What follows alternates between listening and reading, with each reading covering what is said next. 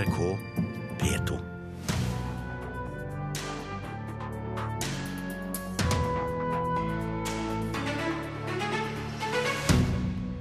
Bildedelingstjenesten Instagram åpner for reklame. Forbrukerombudet frykter økt press mot barn og unge. Kritikerne har misforstått, det mener Charlie Hebdo-skribenten på norgesbesøk. Hun forsvarer vitsetegninger av druknet syrisk treåring. Og i går var det norgespremiere på musikalen Mary Poppins i Oslo. Det beste folketeatret har produsert så langt, mener vår kritiker. Super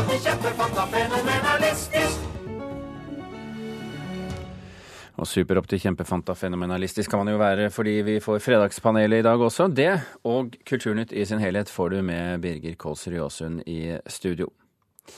Det er dårlig nytt for barn og unge at Instagram innfører reklame i slutten av denne måneden. Det sier Forbrukerombudet, som er bekymret for at det populære bildedelingsprogrammet skal bryte reglene for reklame rettet mot barn.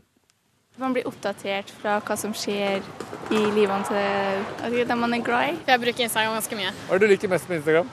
Jeg Vet ikke, Inspirasjonen man får. At uh, folk måtte deler hva de gjør uh, i sosiallivet sitt. da. Hvis de er på ferie og sånt. Det er ikke vanskelig å finne folk som bruker mye tid på Instagram. På fem år har det Facebook-eide bildedelingsprogrammet klart å skaffe seg over 300 millioner brukere verden over. 1,8 millioner i lille Norge alene. Men at det blir reklame på Instagram om tolv dager, er ikke like populært. Det blir litt kjipt. Jeg hater jo reklame, egentlig. da. Det syns jeg var kjempeteit. Forbrukerombud Gry Nergård liker heller ikke at det kommer reklame på Instagram. Hun er bekymret for hvordan den vil påvirke barn og unge. Instagram er jo en kanal som er en eh, direkte mediekanal inn til barnet. Eh, på mobiltelefon eller på eh, PC eller på nettbrett. Og da blir det en veldig direkte kjøpsoppfordring som man i hele EU har eh, ønska å unngå. Direkte kjøpsoppfordringer til barn er nemlig ulovlig i Norge. Og selv om Instagram har 13 års aldersgrense, viste en undersøkelse fra Medietilsynet i fjor at mange barn helt ned til niårsalderen bruker Instagram regelmessig. Men ikke alle er skeptiske. Vi syns dette produktet er veldig spennende. Eh, vi må bare sammenligne det med f.eks. Facebook, en ganske lik kanal. Og, og, i en sånn kanal så vet alle at det er ekstremt mye penger. Det sier Thomas Straw, som er digitalredaktør i Omnicom Media Group, et mediebyrå som har både Ringnes, Telenor, Orkla og McDonald's på kundelista. Om dagen så jobber de for fullt med å skreddersy reklame for den nye plattformen. Du ser uh, bilder som er fra de du følger, og mellom de bildene vil det være kommersielle aktører.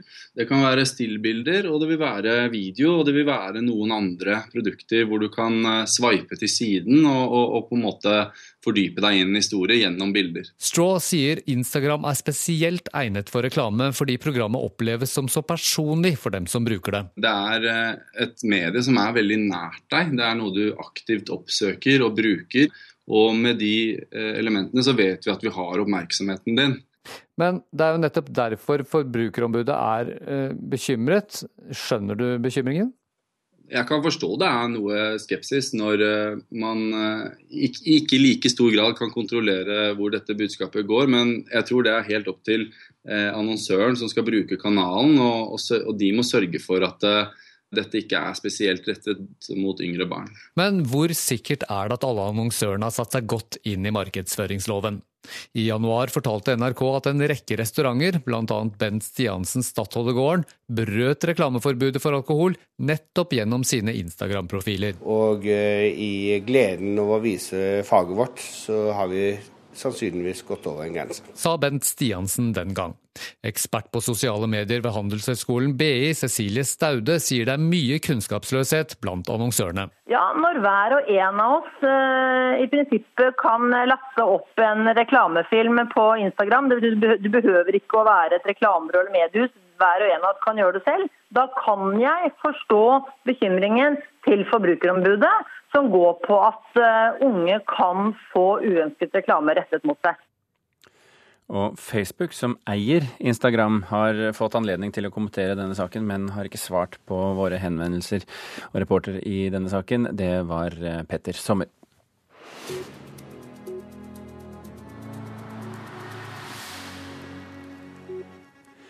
NRK er saksøkt i Egypt med krav om at korrespondent eh, Sigurd Falkenberg Mikkelsen blir kastet ut av landet. Det skriver Dagens Næringsliv i dag. Bakgrunnen er NRKs omtale av hvitvaskingssaken mot den norskregistrerte menneskerettighetsorganisasjonen GNRD. Det er en organisasjon som har samarbeidet med GNRD, som mener NRK har drevet partisk journalistikk, og som går til sivilt søksmål mot eh, NRK. Nyhetsredaktør Per Arne Kalbakk sier til Dagens Næringsliv at eh, NRK er kjent med saken, men at det er vanskelig å finne ut av hva den består i. Kritikerne har misforstått, det sier Sineb El Razoui, som er skribent i det franske satiremagasinet Charlie Hebdo. Denne uken har magasinet fått sterk kritikk for å spøke med den lille syriske treåringen som ble skylt opp på en strand i Tyrkia. El Razoui besøker kapittelfestivalen i disse dager, og forsvarer det å spøke med alt. Zineb El Razoui snakker med sine livvakter. Journalisten i det franske satiremagasinet Jarlie Hebdo er stadig truet på livet, og passes også på når hun besøker Kapittelfestivalen for litteratur og ytringsfrihet i Stavanger. You, you Man vet aldri når de kan gjøre alvor av truslene, sier Zineb. Det er nettopp kommet meldinger om at ti personer skal være drepne i skyting i redaksjonslokalet. Da militante islamister angrep magasinet 7.1 i år og drepte tolv mennesker, var Sineb på ferie i Marokko. Hun har muslimsk bakgrunn, er ikke-troende og har utgitt en tegneseriebiografi om profeten Mohammed sammen med tegneren Shaab, som ble drept i angrepet. You know, if we accept to stop cartooning hvis vi slutter å tegne karikaturer fordi det kan krenke noen, betyr det slutten på ytringsfrihet, sier Zineb, og sikter til at det denne uka kom nye satiretegninger fra Charlie Hebdo som fikk det til å koke på sosiale medier. Aylans lille hjerte fikk slå i bare tre år. Fotografiet av den tre år gamle syriske gutten som ligger i vannkanten på en strand i Tyrkia, rørte en hel verden. Reaksjonene lot ikke vente på seg da Charlie Hebdos tegnere brukte gutten som motiv i siste nummer. Charlie Hebdo er en rasistisk, fremmedfiendtlig og ideologisk konkurspublikasjon. Charlie Hebdo er i gang igjen. Dette er ikke morsomt i det hele tatt. The Society og Black Lawyers vil vurdere å rapportere dette som en oppfordring til hatkriminalitet. Dette er noen av reaksjonene på Twitter oversatt til norsk. De har ikke forstått poenget, mener Sineb. I consider those two cartoons as very successful cartoons. Dette er vellykkede satiretegninger, sier den 33 år gamle journalisten, og sikter bl.a. til tegningen med overskriften 'Så nærme målet'. Gutten ligger ved siden av en reklameplakat for McDonald's der det står tilbud, to barnemenyer til prisen for én. So this is a way to, to say that this word is so unfair. Tegningen viser at verden er urettferdig. I det rike, siviliserte europeiske forbrukersamfunnet spiser barna hamburger, mens barn fra krigsherjede land dør på flukt. En annen tegning med overskriften 'Beviset på at Europa er kristent' viser en Jesus-lignende figur som går på vannet, mens et muslimsk barn drukner ved siden av. Tegningen viser at det kristne Europa kanskje ikke vil ha de muslimske flyktningene, sier Sineb. It is never meant to please him. Karikaturer er aldri ment for å behage, de skal provosere. Det er jo virkeligheten folk burde bli sjokkert over, ikke karikaturene, sier kvinnen som mistet elleve kolleger i attentatet i Paris. I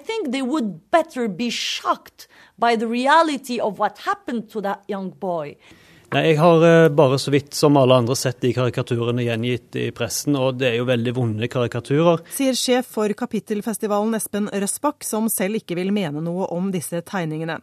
Men at det kommer reaksjoner, er han ikke overrasket over. Karakteristikken på satire er at eh, man skal liksom være innafor, man skal forstå kodene. Og det er jo derfor òg, når Charlie Hebdo blir lest av mange flere nå, pga. det som skjedde, at det, at det får flere lesere som ikke forstår denne litt innforståtte sarkasmen og ironien. Og reporter under Kapittelfestivalen i Stavanger, som vanlig, Anette Johansen Espeland.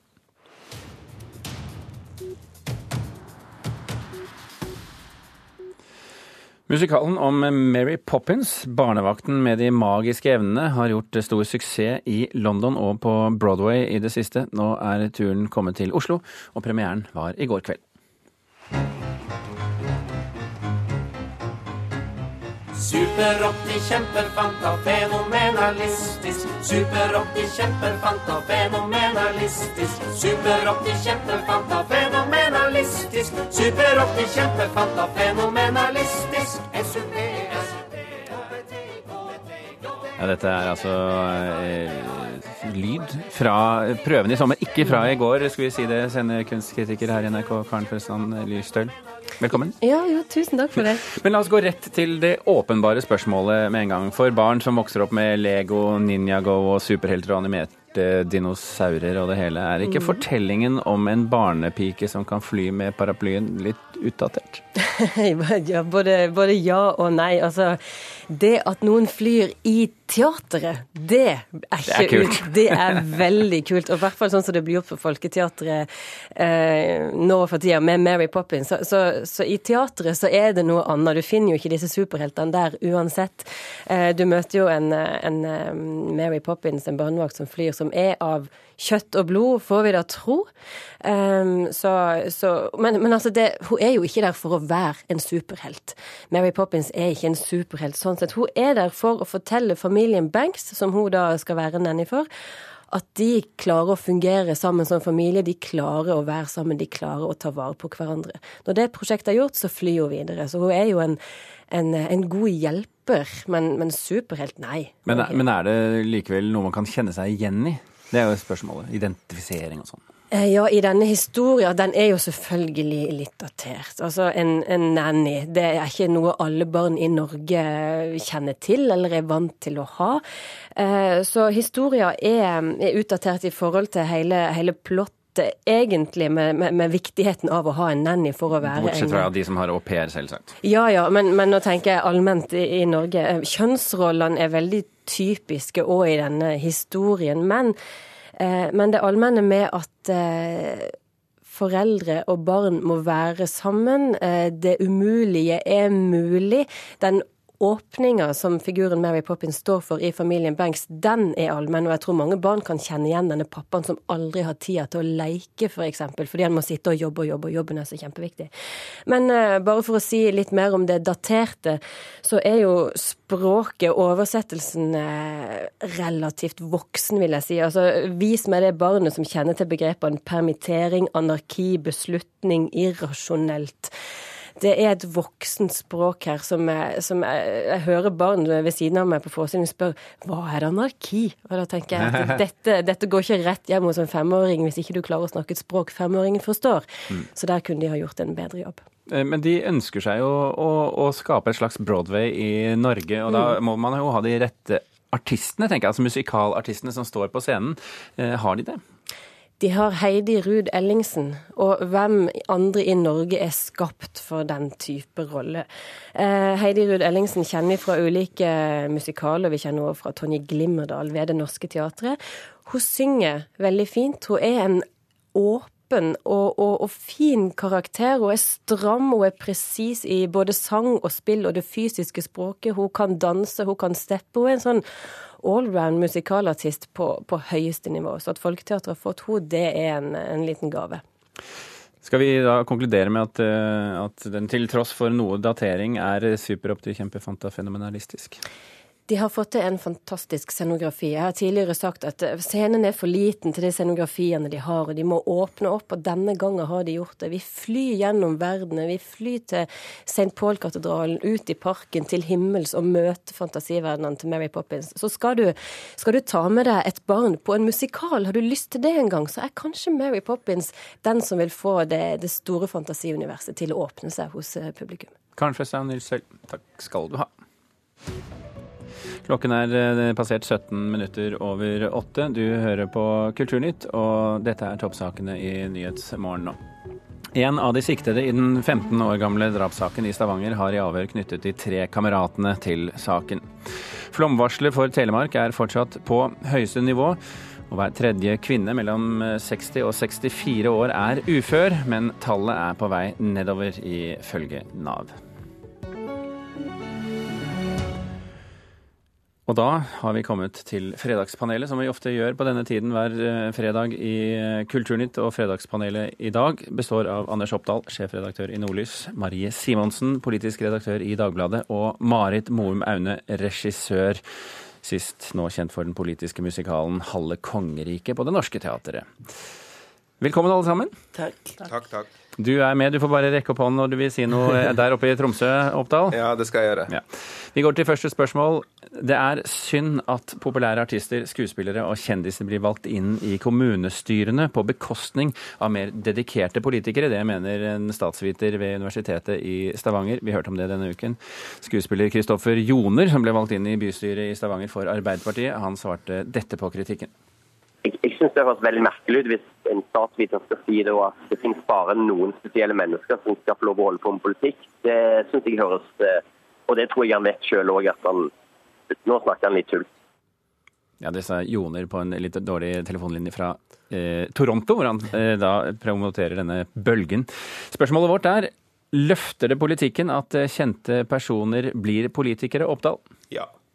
Simonsen? Nei. Nei. Hvorfor ikke? Det løfter ikke politikken, men det er interessant for politikken. Så jeg prøver å svare litt mer presist på spørsmålet, da. Um, jeg synes det er fint, jeg tror det er bra for Stavanger at Joner har kommet inn i kommunestyret der. Det er en mann som kjenner byen fra, et annet, fra en annen vinkel enn dem som tilhører det politiske miljøet. Om han løfter det, det vet jeg ikke. På, jeg syns f.eks. min gode, gode teaterkollega Geir Kvarme har tidvis vært veldig klønete i hvordan han har gått inn nå. Kanskje trenger vi også det. Og at noen kommer og prater på en litt uparlamentarisk måte. For teatret sin del. Så det er klart at hvis du i hele tatt skal ha teaterfolk inn i politikken, så er de nødt til å komme inn på det viset der, og ikke via å gå på kveldsmøter. For da finnes ikke teatermennesker i norsk politikk, i hvert fall. Jeg tror at politikken trenger, trenger, andre typer mennesker enn bare de som har vært med i politikken fra barnsbena. Det så man nå med den merkelige kritikken av Jonas Gahr Støre, at han kunne nærmest ikke delta selv på topplan fordi han ikke hadde vært ungdomspolitiker. Og sånn er den politikken ofte blitt, at den blir litt sånn striglet, og sånn har vi alltid gjort det sånn. Og derfor mener jeg uavhengig av om de er kjendiser eller ikke, at det er positivt at det kommer nye typer mennesker. Og så har jo kjendiser den ekstra effekten at de skaper litt, ofte litt oppmerksomhet. Enten vi liker det eller ikke. og og hvis, hvis, de da kan skape litt interesse om politikk, så er det bra. Det ser vi jo på valgoppslutningen, at den ikke er altfor stor. Den trenger det. Oppdal, det kan det like fullt være et litt sånn paradoks at, at kjendisene tar fokus vekk fra politikken og på seg selv? Nei, jeg syns ikke det i det hele tatt. Altså, Vi har mange gode eksempler i Tromsø de siste årene på folk som har kommet helt fra sidelinja, lokalt kjente folk. Det siste eksempelet er jo Jens Johan Hjort, som ble ordfører her. Eh, og, og, hadde ingen politisk erfaring. Kommer inn og, og, og bryter egentlig veldig mye opp av de klassiske, tradisjonelle forventninger man har til lokalpolitikere, som er egentlig mest opptatt av å, av å se ned i sakspapirene og kanskje ikke tar de store samtalene. Med han ikke sant, så har vi sett hvordan han kommer inn og har eh, bidratt til å løfte verdidebatter i byen osv. med helt nye perspektiver, og som kanskje folk syns, som har vært med i politikken ganske lenge, syns er både litt rart og litt, eh, kanskje litt virkelighetsfjernt noen ganger. Men at det har bidratt til å revitalisere samtalen om en by som Tromsø f.eks., er det ingen tvil om. Så, så, jeg tror at det å hente inn kjentfolk, enig med Marie der, det bidrar til økt oppmerksomhet, og så tror jeg det bidrar til å forfriske hele den offentlige samtalen. Altså. Ja, jeg synes heller Det jeg vil legge vekt på i stedet for det med kjendiseri, som egentlig er fremmed for meg som sjøl jobber i kulturlivet, det handler jo mer om at det jeg opplever f.eks. i teatret, at jeg omgir meg med folk som kan å formulere hva de faktisk ser i forhold til samfunnet sitt, og som har gjennom arbeidet sitt med kunst eller samfunnsliv har greid å analysere seg frem til noen ståsted som ser litt annerledes ut og har litt annet grunnlag enn politikerne. Sånn. Så jeg tenker det at F.eks. Kristoffer Joner er veldig forventninger at han faktisk skal kunne bidra med i Stavanger. Men det er et argument her, og det, vi, det skal jo da sies at denne statsviteren som vi snakket med fra Universitetet i Stavanger, han, poenget hans var jo også delvis at, at for, altså kjendisstatusen gjorde at det ble akkumulert oppover, sånn at hardt arbeidende, gode lokalpolitikere ble da sendt ut døra. Nå, nå, er jo mange av disse har fått uh, vært kumulert av partiene, til og med. fordi at uh, her i Oslo har vi jo sånn Frode Kyvåg og, og Geir Lippestad.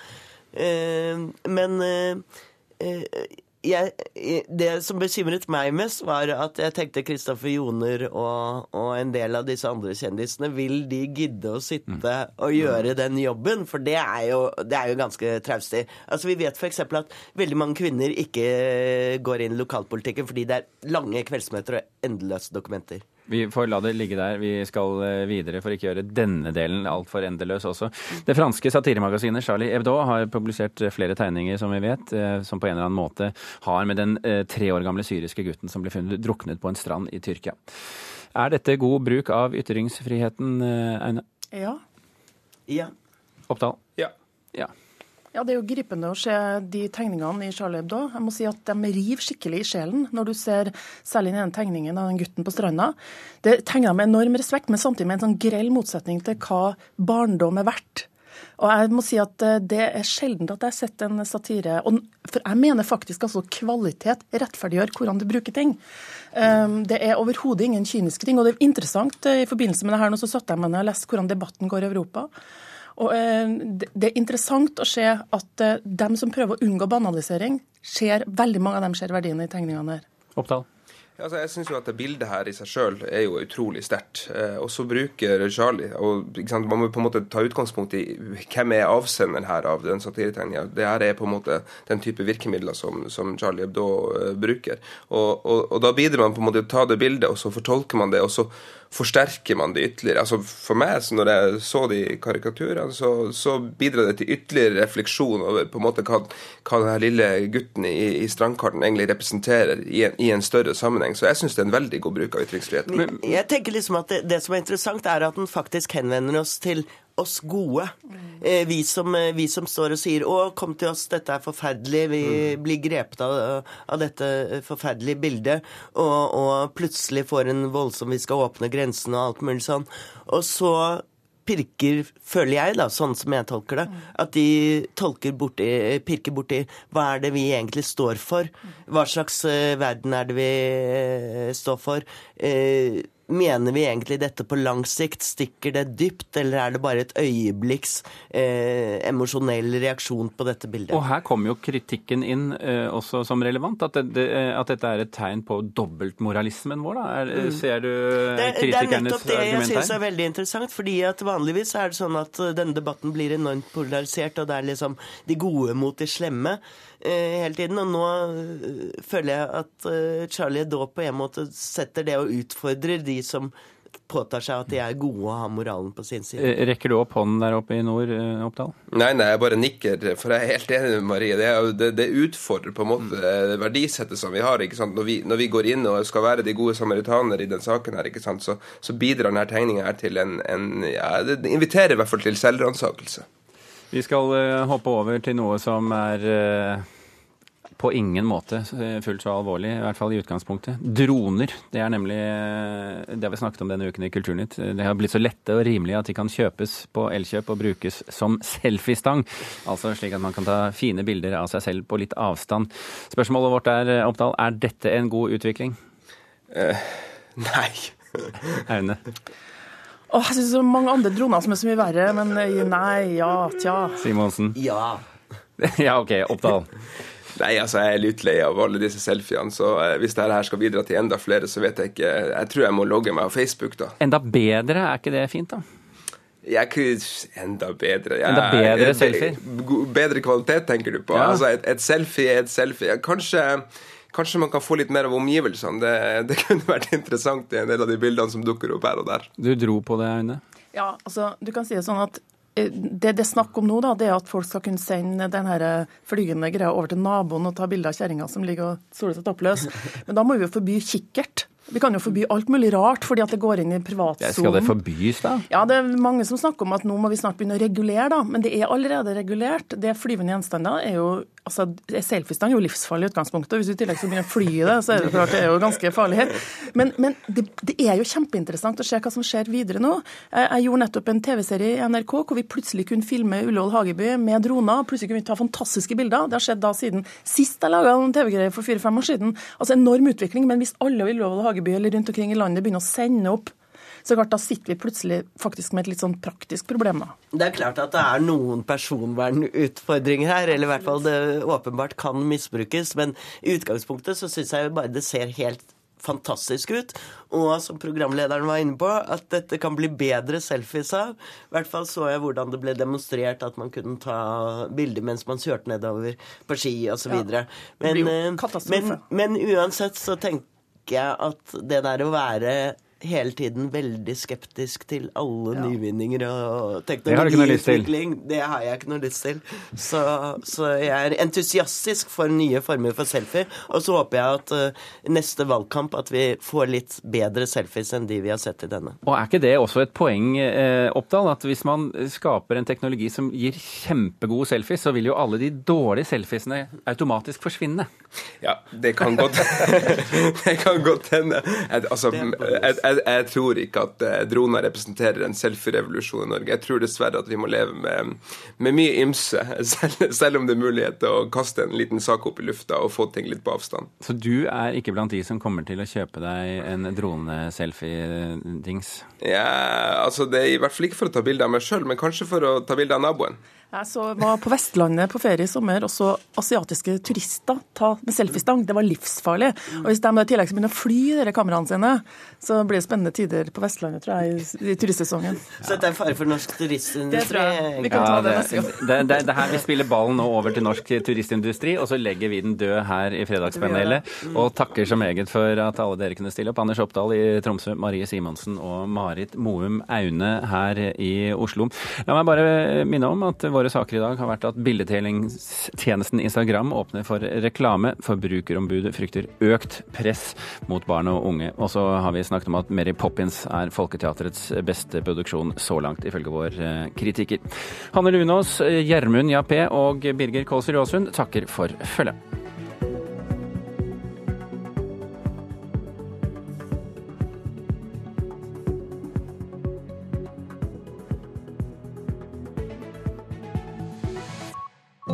Flere podkaster på nrk.no podkast.